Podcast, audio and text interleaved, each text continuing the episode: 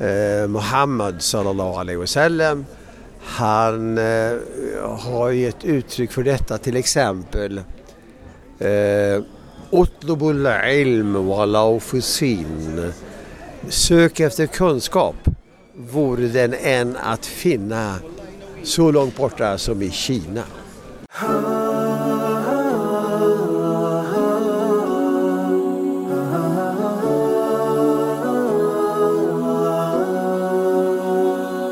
Assalamu alaikum och hjärtligt välkommen till Koranpodden och till ännu en ny säsong. Jag heter Sally och du lyssnar på säsong två av Koranpodden. Detta är podcasten som hjälper dig förstå Allahs ord och där vi träffar spännande personer och samtalar med dem om Koranen över en kopp kaffe. Efter en lång, varm och skön sommarsemester är det superkul att vara tillbaka tillbaka bakom mikrofonen i min lilla studio. Inför säsong två har jag förberett många spännande intervjuer och samtal. Du kommer bland annat få lyssna på mina samtal med forskare från den akademiska världen, intervjuer och samtal med män och kvinnor i vårt land som mot alla odds valde att bli muslimer. Detta blir en ny poddradioserie som heter Vi valde Islam. Det blir nya poddradioserier i flera avsnitt om historiska personligheter, lik min poddradioserie om Muhammad Ali, inshallah. Bland annat en serie om den danska konvertiten Knud Holmbo och hans äventyr genom Nordafrika. Du kommer också få ta del av föreläsningarna från Korankonferensen 2019 i Malmö och mycket annat. Så varmt välkommen till ännu en ny säsong, säsong två som helt klart kommer bli den bästa säsongen hittills på Koranpodden. Jag skulle vara jättetacksam om du pratar med dina vänner, oavsett vilken tro de har, och tipsar dem om säsong 2 så att ännu fler kan dra nytta av det hoppingivande budskap som Koranpodden är. Dagens gäst är Bengt Knutsson. Bengt Knutsson är en fascinerande människa med en lång och gedigen akademisk karriär.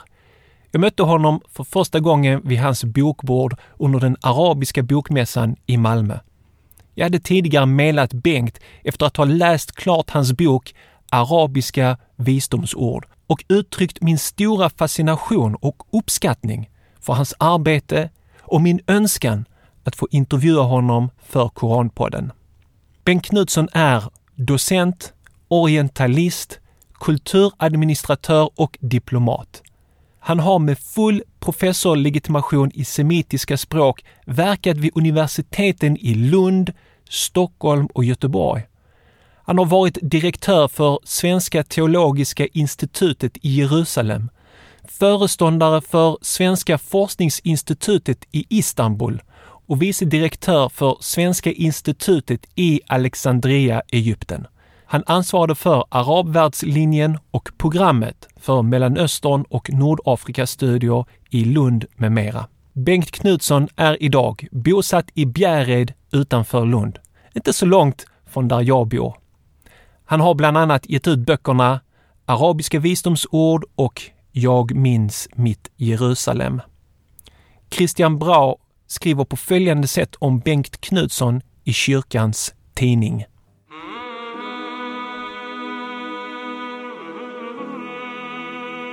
Citat. Han har gjort en pionjärsinsats för studier av de semitiska språken som talade, praktiserade språk. Han har visat att nyckeln till en levande kontakt med andra kulturer och särskilt Orienten är språken.” Slutcitat. Under den arabiska bokmässan i Malmö frågade jag försiktigt Bengt Knutsson om jag fick intervjua honom och han tackade överraskande ja till detta. Jag blev jätteglad och tacksam för att han valde att ställa upp. Det blev ett jättebra samtal. Vårt samtal inleds med en längre diskussion om orientalism och orientalister. På arabiska mustashriqin. Vi pratar kort om Edward Said och hans banbrytande bok Orientalism och hur vissa orientalister har varit orsaken till sprickan mellan den muslimska världen och västvärlden. Bengt Knutsson berättar vidare om sina studier i Jerusalem, hur han blev misstänkt för att vara spion i Jerusalem, hur han blir arresterad av den jordanska polisen i staden. Detta var alltså innan sexdagarskriget då Jerusalem ännu var en delad stad. Bengt Knutsson berättar vidare i vårt samtal om sina vedermödor med att lära sig det arabiska språket med två enkeltimmar i veckan på universitetet. Vi talar också om hans böcker Den misstänkte orientalisten och Arabiska visdomsord. Bengt Knutsson talar flytande arabiska och turkiska och han har lärt sig utan till både koranverser och hadither, det vill säga uttalanden av profeten Muhammed. Över honom var Guds frid. Hans kanske största bedrift av alla är att han har ett hjärta av guld.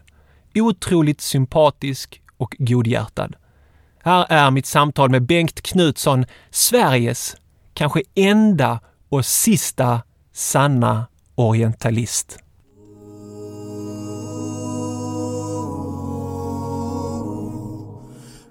Under kolonialtiden eh, så använde då eh, Storbritannien och eh, Frankrike sina mustashriqin, sina orientalister då som, eh, ja, i sin kolonialpolitik helt enkelt.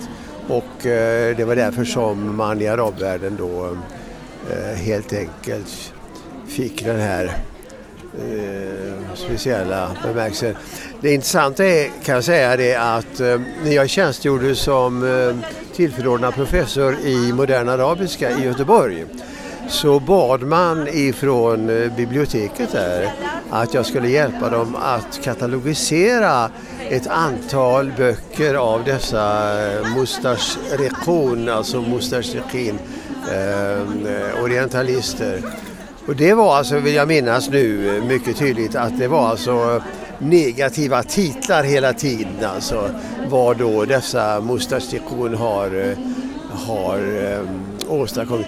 Och du har förstås uh, uh, läst den här boken Orientalism, eller hur? Va? Av Edward Said. Ja, precis. ja. Och uh, han hävdar ju exakt samma sak. Va? och kan till och med påstå att det är alltså orientalisterna som har åstadkommit eh, sprickan mellan islam och västerlandet. Så, men själv eh, så, så använder jag ordet eh, mustaschrek eh, orientalist, därför att eh, svenska orientalister har ju aldrig använts i, eh, i något eh, svenskt eh, kolonialsammanhang. Utan det har ju varit vetenskaplig ny, eh, nyfikenhet naturligtvis. Det är ju precis så. Du har, du har skrivit den här nya boken, eh, ja. Den misstänkte orientalisten. Ja. Vad vill du säga med, med den boktiteln? Ja, eh, min arbetstitel var faktiskt eh, en helt annan kan jag säga.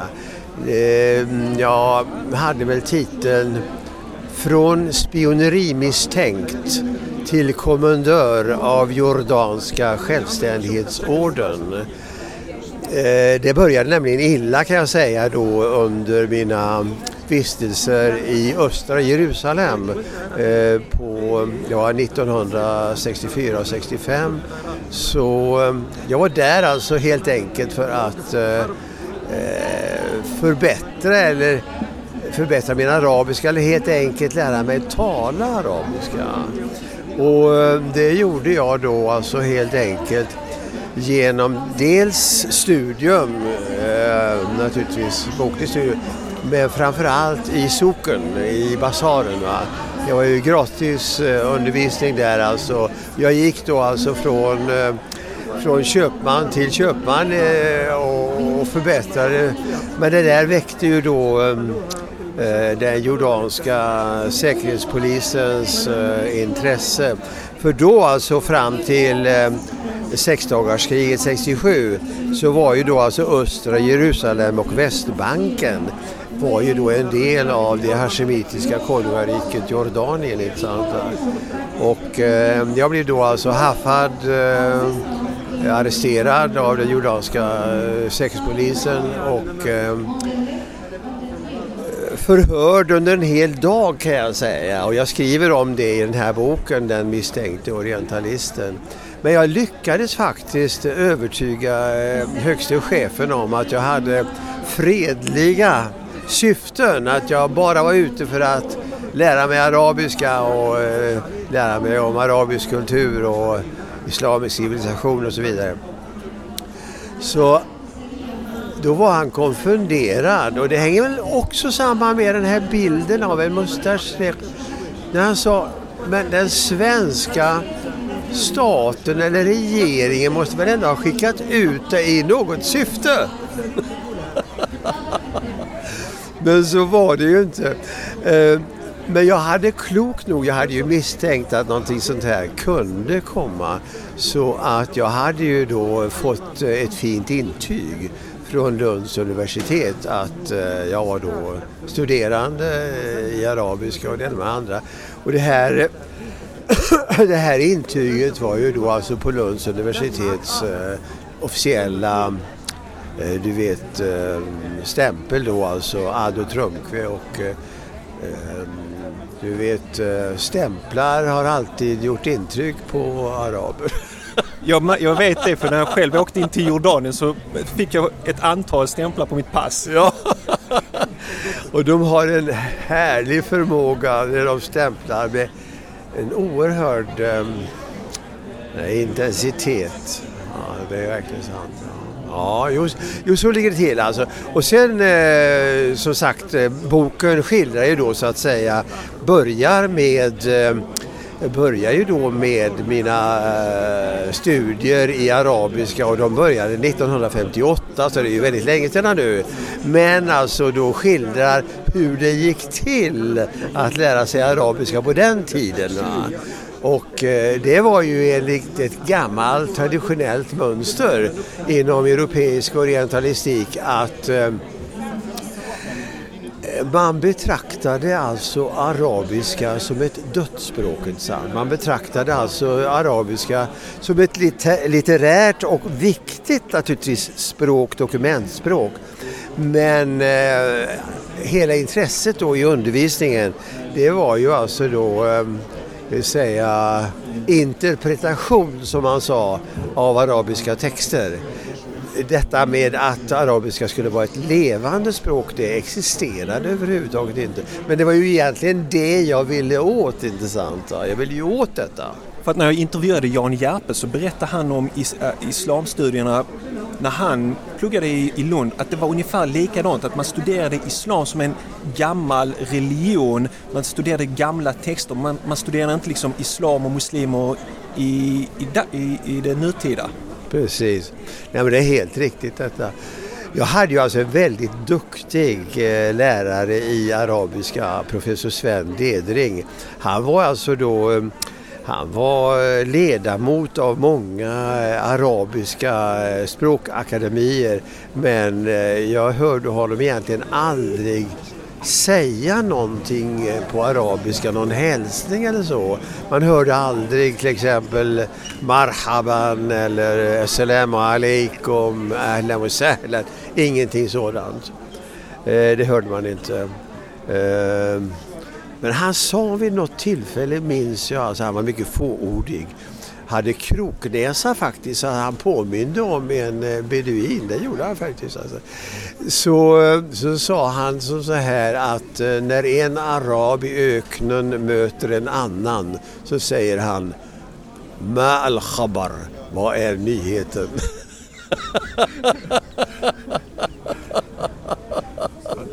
Ja visst, Nej, men allt detta skildrar jag i den här boken eh, med många exempel och eh, de vedermödor som det verkligen var att lära sig arabiska på den tiden. Därför att vi hade bara två enkeltimmar i veckan, kan du tänka dig? Två enkeltimmar i veckan. Och det var inga araber i Sverige på den tiden? Nej, vi hade några stipendiater faktiskt Ehm, det hade vi i Lund och de sågs ju liksom som komna från en annan planet mer eller mindre. Men eh, självklart eh, så eh, odlade man ju då bekantskapen med just dessa, det gjorde man ju, det är helt sant. Nej, det var väl som så här att ehm, Eh, det var ju inte så lätt då, du vet, både naturligtvis arabisk skrift, att tillägna sig den och eh, uttalet. Va? Två enkeltimmar i veckan. Och du vet undervisningen gick till på det sättet att eh, professorn väldigt snabbt, alltså någon månad kanske, eh, gick igenom elementa av arabisk grammatik. Va? Och eh, sen så kastades man raka vägen in i äkta arabiska texter. Och det var ju alltså, det gjorde att av den handfull som började då hösten 1958 så blev vi två elever kvar. Va? Vad var det som gjorde att du fortsatte dina studier? Jag säger, det hängde nog samman med ett gammalt intresse som jag hade redan som ung. Du vet att då fanns det någonting som heter realskola, det kanske du hört talas om ja. Och eh, vi hade ett väldigt fint skolbibliotek i Lidköping i Västergötland. Va? Så jag läste allt faktiskt där som fanns eh, att läsa om araberna i Mellanöstern och Nordafrika. Det var så. Så det var liksom en gammal dröm kan man säga detta. Att, eh, och jag hade läst, minns jag, i en reseskildring från Arabiska halvön. Någon skrev där efter att ha träffat då västerlänningar som arbetade i Saudiarabien att efter 16 år kunde de inte ens uttrycka sig på arabiska. Så det där lät ju spännande. så det ligger väl till så. Och sen har du skrivit den här boken Arabiska visdomsord. Om du kort kan förklara tanken bakom den? Ja, det kan jag göra. Ehm, jag hörde ju nyss en föreläsning eh, där uppe eh, på Amiralen. Och eh, bakgrunden kan jag säga var väl den att svenska affärsmän alltså ehm, då under oljekrisen efter oktoberkriget 1973 de var ju då tvungna att ehm, försöka mildra eh, oljeprisets höjning. Va? Det var ju så att araberna fick ju ett nytt självförtroende eh, efter eh, oktoberkriget därför att det var väl egentligen första gången som de hade lite framgång i sina krig mot, eh, mot Israel. Då startade man ju detta så man stängde ju oljekranarna och eh, Tanken var väl egentligen i huvudsak att man skulle tvinga västländerna att eh, lösa Palestinakonflikten. Det var nog egentligen det. Va? Men eh, hur som helst så blev det ju som så att eh, de här enorma prishöjningarna gjorde ju då att det blev ebb i kassan så att säga i de västerländska Eh, Eh, då eh, nationella budgetarna. Så svenska affärs, affärsmän alltså tvingades ju ner naturligtvis till eh, eh, Mellanöstern och Nordafrika för att avsätta svenska produkter och tjänster i arabvärlden. Eh, men stötte då alltså på kulturskillnader av sådan dignitet kan man väl säga så att eh, det blev helt enkelt en, en kulturkrock. Det är berättigat att prata om det. Så eh, svenska affärsmän som då ju var vana vid effektivitet och snabbhet de, de kunde ju liksom inte förstå att eh, det kunde dröja att en, eh, att en ska vi säga, utlovad då, arabisk minister inte kunde ta emot omedelbart. Så det blev ju alltså då en, ett oerhört misslyckat eh, möte kan man väl säga då mellan de ursprungliga svenska affärsmännen och, eh, och araberna. Hur som helst så var det så, så då att eh, eh, uppfattningen spreds i det svenska näringslivet att araberna var hopplösa. Det gick inte att samarbeta med dem. Tills eh, en direktör i Malmö vid namn Tore Olbjer. Han var alltså chef för någonting som heter Agrikonsult. Han hade erfarenhet från arabvärlden och förstod ju att det var alltså bristande kulturkunskap som gjorde att det blev en sån clash eh, mellan, eh, mellan svenskar och araber. Så då kom han, det var han som tog kontakt med Lunds universitet och bad om alltså att vi skulle ordna eh, seminarier eh, om det arabisk-islamiska kulturmönstret. Och det gjorde vi. Jag fick i uppdrag då att, eh, att eh, organisera, lägga upp den här undervisningen. Och det blev alltså tre dagars internat kan man säga som modell. Va? Där vi tog, tog fram egentligen allt som hade någon betydelse för det arabisk-islamiska kulturmönstret. Intressant, va? Det, det var det vi gjorde och eh, eh vi gav de där kurserna under eh, fem års tid kan jag säga, mellan 1980 och 1985. Och de blev en mycket stor framgång.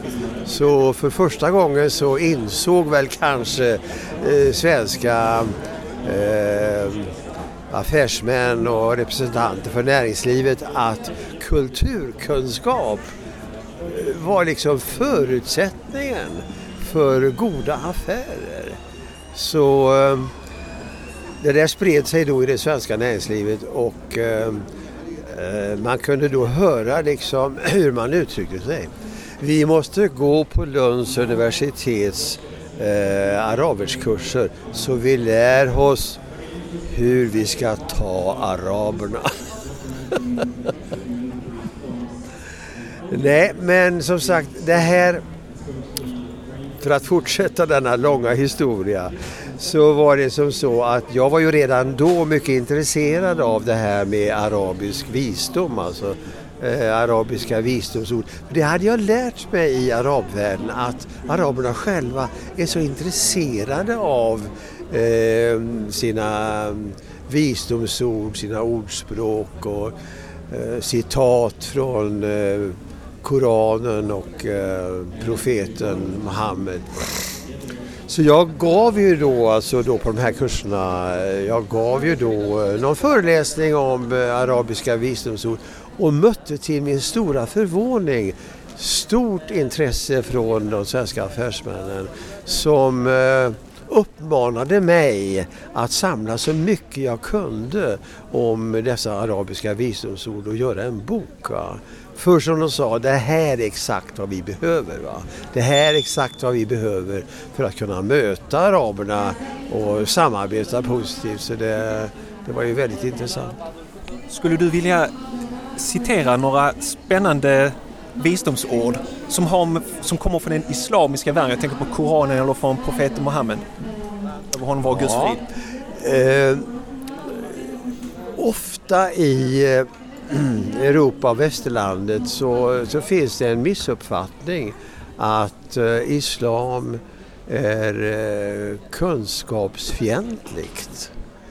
Och eh, det är ju alltså helt emot islam därför att profeten själv, eh, Muhammad sallallahu alaihi wasallam, han eh, har gett uttryck för detta till exempel eh, Utlubul ilm walau fusin. Sök efter kunskap vore den än att finna så långt borta som i Kina. Han sa också så här. Eh, Innal ulama'a warathatul anbiya. Vetenskapsmännen är eh, profeternas arvtagare. Profeternas arvtagare. و طلب علم فريدة على كل مسلم ومسلمة. Så att söka kunskap är en plikt för varje muslimsk man och kvinna. Så det här visar ju på just detta att eh, kunskapssökande eh, är någonting väldigt viktigt. och eh, man kan väl se denna inställning det måste egentligen vara förklaringen till att den arabisk-islamiska civilisationen växte fram. Att man nämligen eh, blev eh, kultur och vetenskapsförmedlare. Man tog över alltså det som fanns av grekisk eh, vetenskap, av indisk till exempel. Det är intressant detta, vi kallar våra siffror för arabiska siffror. Medan man alltså på eh, arabiska säger ehm, då ehm, eh, man säger alltså då indiska siffror säger man alltså där. Alltså. Eh, så ehm, um, Arkam Hindia säger man. Så det där är, tror jag, en väldigt viktig upptäckt, inte minst för svenskar, eh, som ju naturligtvis ofta har sina fördomar gentemot islam. Vilket ju också i sin tur hänger samman med att rent historiskt sett så har ju islam varit en utmanare, en kulturell och eh, vetenskaplig utmanare. Å ena sidan, eh, och även politiskt och militärt, det är ju känt. Men eh, samtidigt så, så vet vi ju då till exempel att den arabisk-islamiska kulturen i, på Iberiska halvön eh, i Spanien.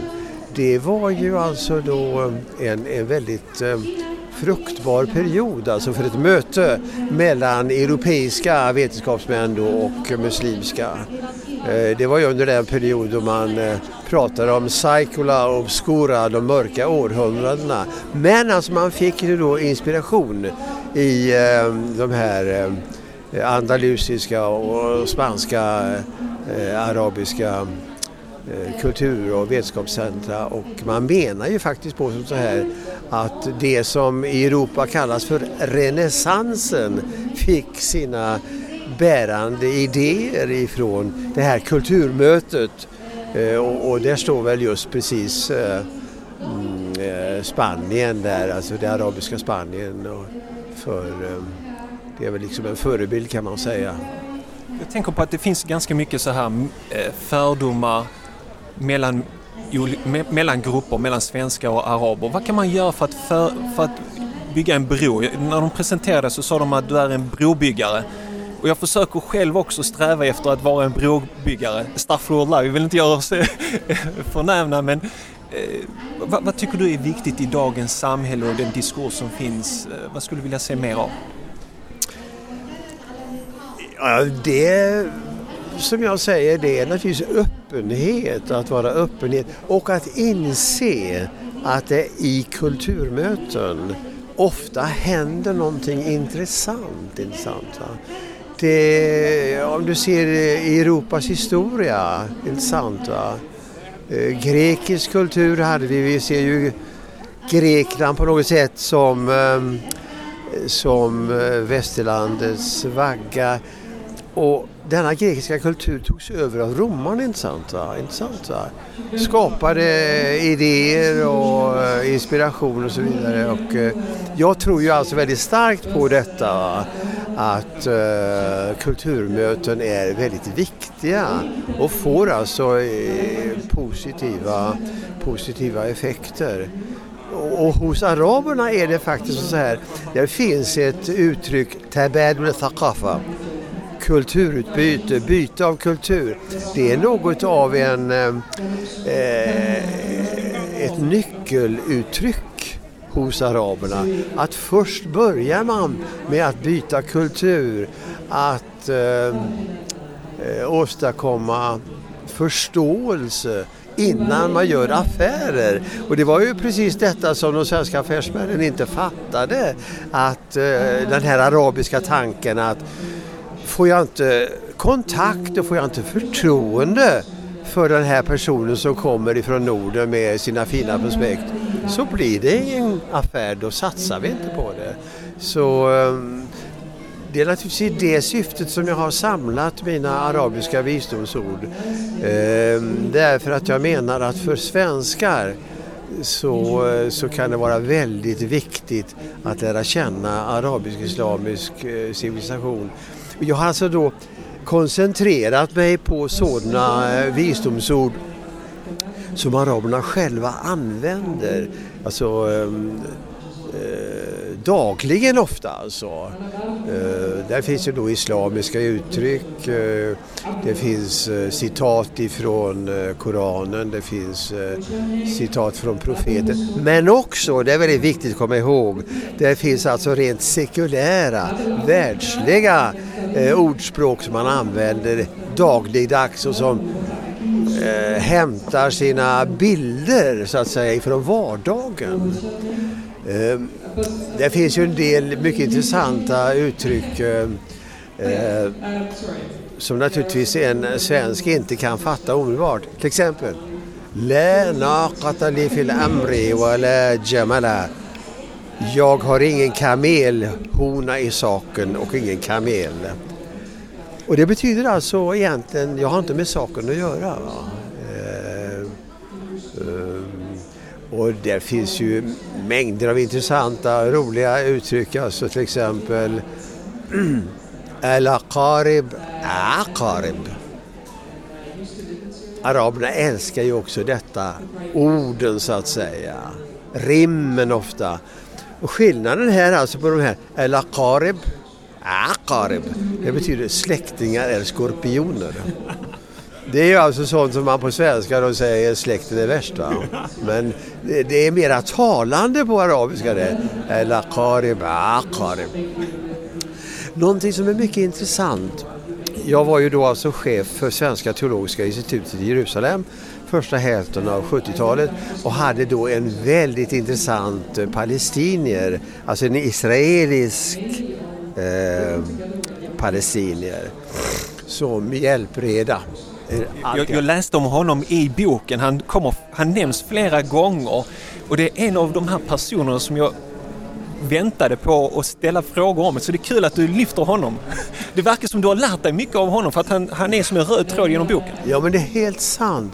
Han hade väl i princip bara gått tror jag, fyra år i folkskola. Men var en tänkare av format, en människokännare och eh, kunde ju förstås sin koran utan till. Han, eh, han var som jag säger Eh, en människokännare, en intuitiv känsla för vilken person han mötte. Det kunde till exempel hända att eh, vi fick då stipendiater ner till Svenska teologiska institutet.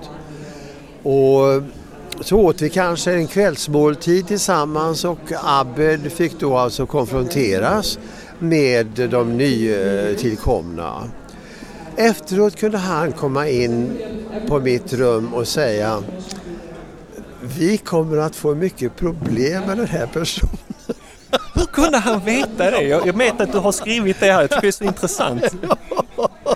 Och då sa jag så här naturligtvis ofta, hur kan du veta detta Ahmed? Eh, du eh, kan ju ingen svenska och hur kan du... Eh, ja, du ska få se, sa han. Och han hade alltid rätt.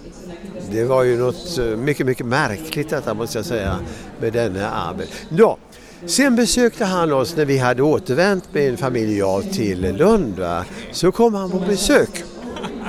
Det nämner du inte i boken? Nej, det gör jag kanske inte. Nej, man kan inte ta med allt. Men då kan jag berätta den historien. Och då tänkte jag så här, då vill han väl förmodligen träffa någon arab kanske i Sverige. Och då hade jag då en eh, bekant som jag har skrivit om också i eh, varje fall i den där boken jag minns med Jerusalem som heter Calvin Balir som bodde då på eh, Linero var det väl. Han var liksom eh, avsutten eh, konsul och militär. Och vi åkte dit och blev vänligt mottagna och fick mat och det ena med det andra. Men sen när vi kom tillbaka till vårt hus till mitt hem så säger Abed följande. Varför skulle vi hälsa på eh, Bali? Jag har ju inte fått träffa er granne.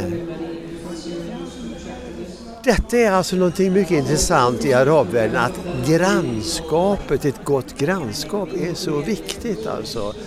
Där eh, har du det här berömda eh, ordspråket Al-jar kabladar, dar, warafiq. Eh, först huset, sedan... Nej, förlåt. Först grannen, sedan huset. Först följeslagaren, sedan vägen. Alltså, grannen alltså. Man söker en bra granne. Om man ska köpa ett hus eller om man ska bygga ett hus. Grannskapet är så viktigt alltså. El-jar qabla dar wa rafiq qabla tariq. Först grannen, sedan huset. Först följeslagaren, sedan vägen. Men sen vet ju naturligtvis araber, det är ju en mänsklig erfarenhet. Det kan ju bli på det sättet att man råkar ut för en obehaglig granne. Det kan ju bli så intressant. Va? Och eh, då finns det ett fantastiskt ordspråk som alltså, om jag skulle läsa ut det grammatiskt skulle heta eh, El Jaro Jarun Walau Jara. Hör du? El-Jaru Jarun Walau Jara. Och det betyder en granne är granne om aldrig så vrång. Förstår du? Men det fantastiska är ju då, och det har med alltså arabernas eh, kärlek till språket, att man kan uttala detta på följande sätt. El-jar jar walau jar. Det är ju ganska fantastiskt alltså. El-jar jar walau jar. Och det begriper en arab eh, omedelbart. Men vi eh, gör ju inte det utan eh, men ser vi det alltså som El Jaro Jaron Walau Jara. Ja, okej. Okay. Fantastiskt. Jo, som sagt. Eh, det där var ju intressant då alltså eh, att Abel frågade mig varför har jag inte fått träffa din granne? Och det fick jag ju naturligtvis omedelbart se till att han fick göra. Eh, vi hade en trevlig granne och då var Abed nöjd alltså. Men det var en lärdom alltså detta. Det var en lärdom. Jag tänker du har befunnit dig mycket i den arabiska världen. Vad har du lärt dig personligen? Ja, du, det där var ju en väldigt svår fråga. jag har koncentrerad, koncentrerad. Ja, jo, koncentrerad. Jag är ju då alltså eh, västgöte och född i Skara stift, inte sant? Eh, min far var mm, folkskollärare och kantor eh, då i min hemsocken som hette alltså då Sundersberg där på den här lilla halvön som går ut i Vänern som heter Kolland. Om du har hört talas om den, Kollands halvö. Men kanske du har hört talas om Läckö slott? Nej, det har jag inte heller. Inte heller? Nej, okej. Okay. Hur som helst. Eh, jo, så att jag menar, jag kan man ju säga nästan är uppvuxen i den svenska kyrkan. Mm. Det är så. Men vad jag har lärt mig, jag har ju alltså studerat och, och levt både bland judar och araber så att säga. Det är ju detta. Eh, jag har lärt mig väldigt mycket eh, positivt av dessa civilisationer. Både den judiska och den arabisk-islamiska. Det har jag gjort. Eh, mycket klokskap som kommer därifrån alltså. Eh, och eh, det har naturligtvis påverkat mig. påverkat mig som, som svensk så att eh, eh, jag har ju naturligtvis då värdemässigt blivit eh, ja, mera relativist om du förstår vad jag menar. Alltså. Och eh, väl då insett att eh, vi har ju väldigt mycket att lära av andra civilisationer. Inte minst då i det här fallet eh, den judiska eh, och den, den, den arabiska. Och eh, det har ju alltså för mig varit eh, oerhört stimulerande måste jag säga. Och det har jag gjort då det har varit tanken naturligtvis att möta dessa civilisationer på grundspråken. Va? Grundspråken. Eh, hebreiska då för den eh, judiska civilisationen och eh, arabiska för den arabisk-islamiska. Eh, så att eh, själva språkformen har ju naturligtvis betytt mycket för mig, det kan jag säga. Språkformen, hur man uttrycker det. Men naturligtvis också då vad formen säger, innehållet. Det är så ett ord är både form och innehåll. Va? Både form och innehåll. Och det här har ju varit eh, som sagt en inspirationskälla för mig. Sen är jag också, det skriver jag ju inte så mycket om i de här böckerna men det finns ju en hel del i Jerusalemboken. Eh, du vet att vi har ju i Sverige någonting som kallas för eh, syrianer och assyrier, det vet du va? Och de flesta av de här syrianerna tillhör alltså då, även assyrierna, tillhör den syrisk-ortodoxa kyrkan. Så jag hade ju i Jerusalem eh, kontakt med eh, eh, den syrisk-ortodoxa ärkebiskopen där. Eh, och eh, eh, syriska som man säger på svenska, eh, det är alltså då ett arameiskt språk, det är de kristnas arameiska språk. Eh, och eh, det språket har alltid spelat stor roll vid den akademiska undervisningen i semitiska språk i Sverige. Va? Och inte minst i Lund faktiskt. Men det var ju en oerhörd överraskning när jag kom ner till Jerusalem och mötte eh, den här ärkebiskopen Dioscoros Luca. Är det han som är på framsidan av boken? Nej, det är det inte. Det är den samaritanska översteprästen. Du har kanske hört talas om det, liknelsen om den barmhärtige samariten. Mm. Och eh, det finns alltså då en grupp eh, samariter eh, i Nablus på hebreiska, det gamla Siken. Som hävdar att just de, det är alltså en liten minoritet Eh, Eh, de var väl kanske 450 personer när jag träffade dem. De eh, hävdar alltså att de är de sanna arvtagarna till eh, de fem Moseböckerna. Alltså att de har bevarat traditionen ifrån Mose.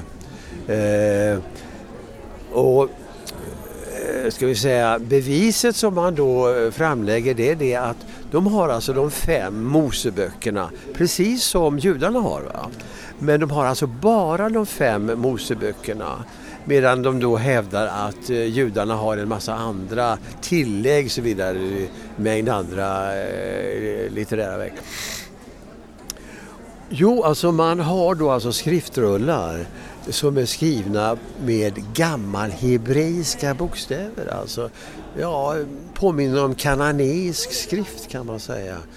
Och så har de ett annat uttal av så att säga eh, den här, eh, de fem Moseböckerna, Pentateuken än, än eh, de judiska rabbinerna har. Va? Till exempel om du börjar eh, första Mosebok, första versen så står det som så här. Va? I, I begynnelsen skapade Gud himmel och jord. Och det, så, då läser man då på hebreiska, alltså numera. Bereshit bara Elohim et hashamayim et haaretz. Men den samaritanske översteprästen, som blev vår lärare förresten i, eh, på institutet, han sa så här. Baraget bara Elohim eter shamem mares. Alltså, Bereshit bara Elohim et hashamayim et arets på hebreiska. Baraget bara Elohim eter shamen mares. Du hör alltså en annan uttalstradition. Uh, ja, det är han som är alltså då på första på omslaget där. Men du träffade ärkebiskopen för Jerusalem för den syr ja, det var syriskt ortodoxa. Ja, men det var du som... det var jag som eh, pekade på honom, jag tror det var han där. Nej. Ja, han heter Dioscoros Luca Eschaio.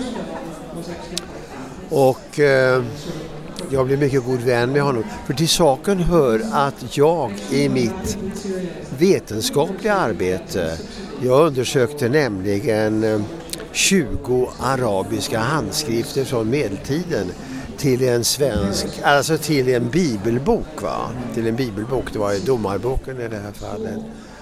Och eh, vad var det nu jag skulle säga? Nu börjar jag bli lite trött tror jag. Eh, vänta lite grann, nej men vänta lite grann. Eh, jo, alltså egentligen var det så här att jag undersökte, eh, det visade sig vara då tre stycken arabiska bibelöversättningarna från syriska alltså, du förstår. Från, eh, så var det. Eh, och, eh, så jag hade ju sysslat både med arabiska och en eh, syrisk förlaga alltså. Intressant. Och eh, därför var det ju väldigt intressant för mig att möta eh, ska vi säga, levande eh, syrisk eller syriansk tradition. Va? Det var ju oerhört intressant. Så jag var ju väldigt ofta då gäst där i eh, klostret i, i Jerusalem. Det var jag.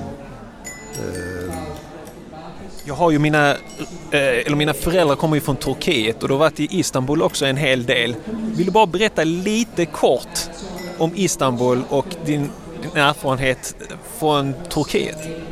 Ja, det stämmer. Alltså jag var då sju år faktiskt eh, chef för någonting som heter Svenska forskningsinstitutet i Istanbul. I Svech Araştırma Institut.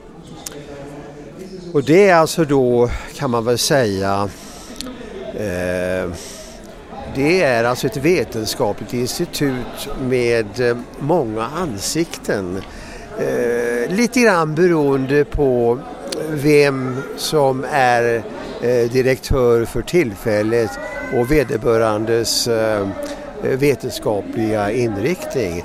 Så där finns ju då alltså, där frodas ju naturligtvis eh, turkologer intressant. Eh, eh både för att studera både modern turkiska, eh, alltså turkiet-turkiska och osmanturkiska.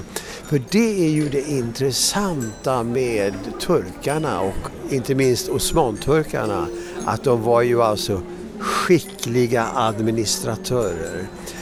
Eh, inget ont om andra eh, muslimska länder men eh, det är nog ingen tvekan om att eh, osmanturkarna var liksom islamvärldens ah, administratörer par excellence. Så det finns ju alltså biblioteken och arkiven är ju fulla. Problemet är naturligtvis följande att Kemal Atatürk han införde alltså det latinska alfabetet. Tidigare var det ju eh, arabisk skrift, intressant. Va? Man kan väl säga som så här att den arabiska skriften passade ju egentligen inte särskilt bra Eh, för turkiskan. Eh, det var väl så. Men eh, eh osmanturkiskan är ju någonting alldeles speciellt. Va? Den är å ena sidan turkiska eh, eh, språkligt sett men också med mängder av eh, både persiska och eh, arabiska element. Sant? Och fastän då Kemal Atatürks eh, intention var att skapa eh, Öztürkçe, alltså eh, äkta så lyckades han ju inte helt. Så det finns ju fortfarande mängder av både persiska och eh, arabiska element i nutida turkiska. För mig var ju detta jätteintressant får jag säga. För du vet, jag hade inte bara läst arabiska i Lund utan jag hade under ett års tid faktiskt eh, läst persiska i Köpenhamn. Och när jag då upptäckte att eh, det finns ju både arabiska och persiska ord det liksom ökade ju mitt intresse för turkiska. Och sen var det ju så här också att eh, till skillnad från de eh, arabländer som har varit koloniserade och där man är alltså ganska duktig på europeiska språk till exempel. Östra arabvärlden på engelska och Nordafrika på, eh, på franska. Så är ju turkarna inte särskilt duktiga på europeiska språk. Va? Det känner du till? Ja, och därför så var ju detta ett särskilt imperativ för mig att eh, läsa så mycket turkiska jag kunde för att liksom både ta mig fram men också naturligtvis berikas av, av det turkiska. Eh, så jag måste säga, det tog faktiskt lite tid för mig. Jag hade ju alltså en långvarig erfarenhet både från Mellanöstern och Nordafrika, arabvärlden, Israel och så vidare, va? samaritaner och vad du ville. Det tog lite tid innan jag vande mig vid eh, Istanbul då, som ju är en slags brygga kan man säga mellan öst och väst. Jag träffade ju många turkar som sa ja, vi vet inte riktigt om vi är orientaler eller europeer. Det är faktiskt så, det var så. Och det var ju väldigt spännande och eh, att upptäcka staden Istanbul, det är ju något alldeles oerhört, det måste jag säga.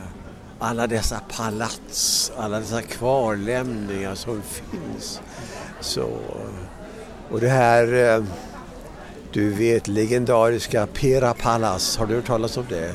Jo, det är alltså ett mycket, mycket berömt eh, hotell alltså. Eh, du känner i alla fall till Orientexpressen? Ja. ja.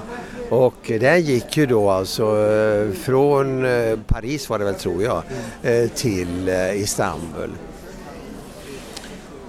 Och då övernattade då de här resenärerna på Pera Palace och eh, där finns det då särskilda rum för celebriteter. Det finns något rum där Agatha Christie sägs ha, ha, ha bott. Och sen fortsatte man då över Bosporen eh, och tog alltså fortsatte eh, Orientexpressen då eh, från den asiatiska sidan fram till, den gick ju till Damaskus redan minns jag.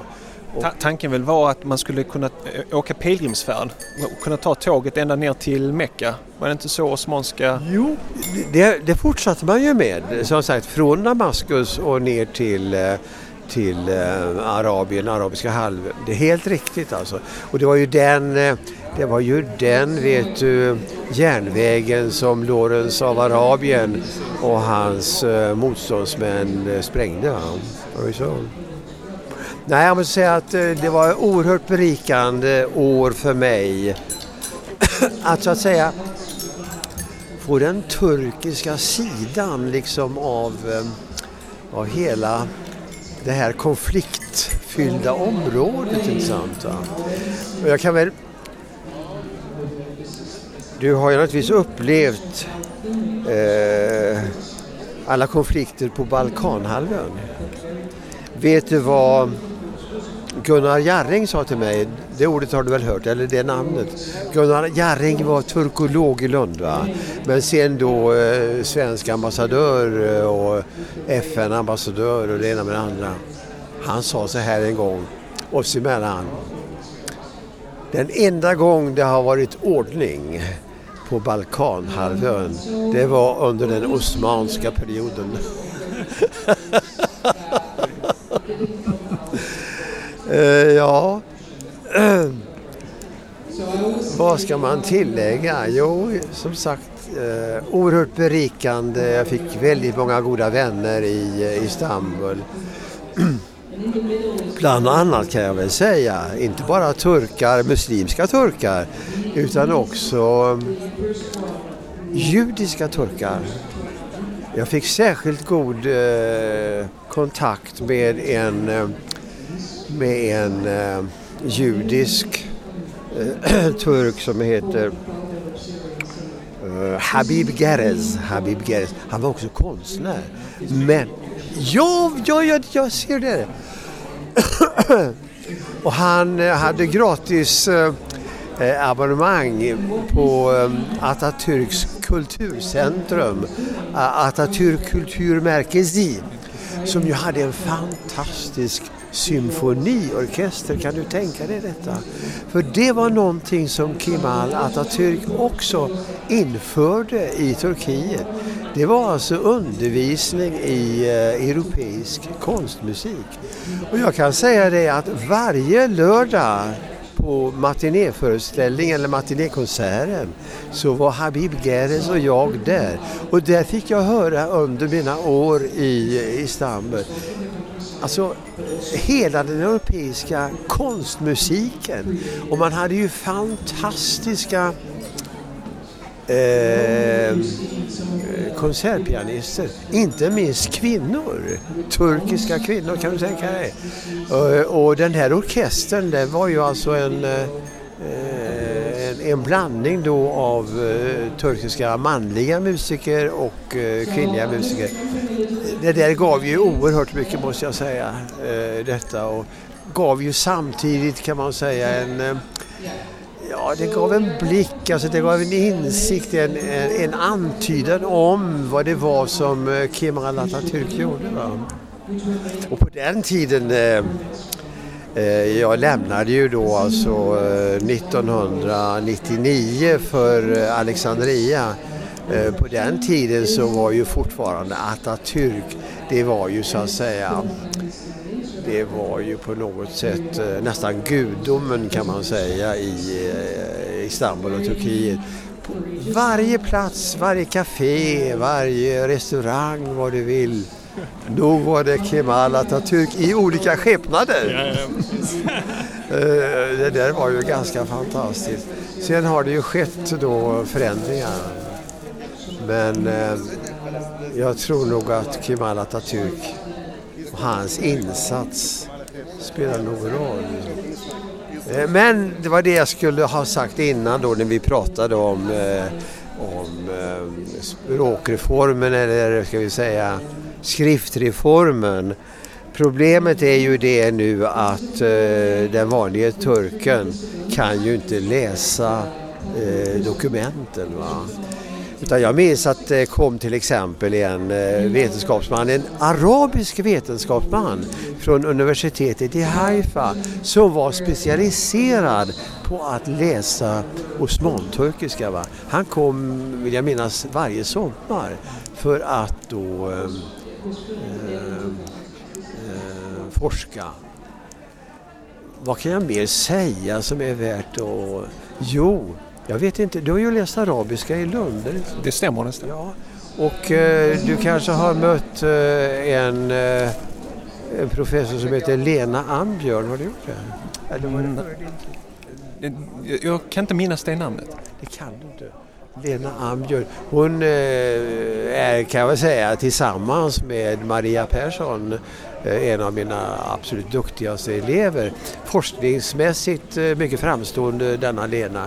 Och hon hade, förstår du, hon gav ut någon eh, hon hade innan hon började läsa arabiska så hade hon en fil. kand från Göteborg i, jag tror det var, det var filosofi och vetenskapshistoria. Men så var hon också sjuksköterska. Va? Och det innebar att det var oerhört lämpligt för henne att ge ut en eh, arabisk text som handlade om arabisk medicin. Ja. Och då var det så, så att eh, hennes originalhandskrift, hon hade ju fått alltså några avskrifter, men den fanns i Istanbul på ett bibliotek där. Och eh, det var ju oerhört eh, väsentligt för henne att få tag i den där eh, hand... Jag vill minnas att det var väl Soleimani... Soleimani biblioteket. Hur som helst, jag var i alla fall då bekant med bibliotekarien. Så jag lyckades ordna, eh, eh, lyckades ordna då ett möte eh, där då Lena fick träffa Eh, då eh, bibliotekarien. Och eh, hon var ju duktig vet du i arabiska och det var också han. Eh, jag tror han heter Kaj, jag tror han heter. Så då sa jag till Lena som så här att eh, beskriv dig själv och ditt forskningsuppdrag på arabiska. Så, ja. Eh, så kanske du får får se handskrift. Och det gjorde hon mycket väl. Och det innebar att på nolltid så fick hon en perfekt mikrofilm av denna handskrift. Och du vet att det, det, är ju känt att det är svårt att komma åt handskrifter i turkiska bibliotek. Det är nog en sanning. Men i det här fallet, och det är återigen detta att vet personliga relationer spelar roll. Va? Det kännetecknar inte bara araberna, det kännetecknar turkarna naturligtvis. Det är så. Och människor i allmänhet, är, det är ju allmänmänskligt. Så. Bengt, ja. jag vill inte trötta ut dig. Du har delat med dig av dina goda minnen och jag är så jättetacksam för det. Shukran jaziran. Jag hoppas jag kan träffa dig fler gånger för de här samtalen. Du bär på en otrolig skatt och jag, jag vet att mina lyssnare kommer att berikas av allt du har berättat. Inshallah. Tack så hjärtligt. Tack själv. Salam alaikum. Um. Wa alaikum salam wa rahmatullahi wa barakatuh. Mm. Jag hoppas du tycker samtalet med Bengt Knutsson var både lärorik och spännande. Jag tror att du håller med mig om att Bengt Knutsson bär på unika erfarenheter och kunskaper som få känner till. Med denna unika bakgrund är Bengt Knutsson den perfekta brobyggaren mellan olika kulturer och civilisationer. Om du har frågor eller funderingar om innehållet i avsnittet är du välkommen att lämna en kommentar direkt på Koranpoddens hemsida. Gå in på koranpodden.se 88 och lämna din kommentar längst ner på sidan. Om kommentaren är riktad direkt till Bengt så ser jag till att informera honom om detta så att han kan ge dig ett personligt svar. I nästa veckas avsnitt får du lyssna på min intervju med Thorir Jonsson Raundal från Island som är expert på mötet mellan vikingar och muslimer. Detta blev ett lärorikt samtal som jag är alldeles övertygad om att du kommer gilla och tycka är fascinerande. Här kommer ett kort utdrag från den intervjun. But you, you have read the Arabic sources. Yeah, yeah, I do. They're, these are mainly kind of ninth and especially tenth century Arabic sources. These are geographical descriptions. Uh, this is kind of one of the outcomes of the uh, incredible scholarly uh, revolution that took place in, in Baghdad, especially uh, in the early eighth century, where you have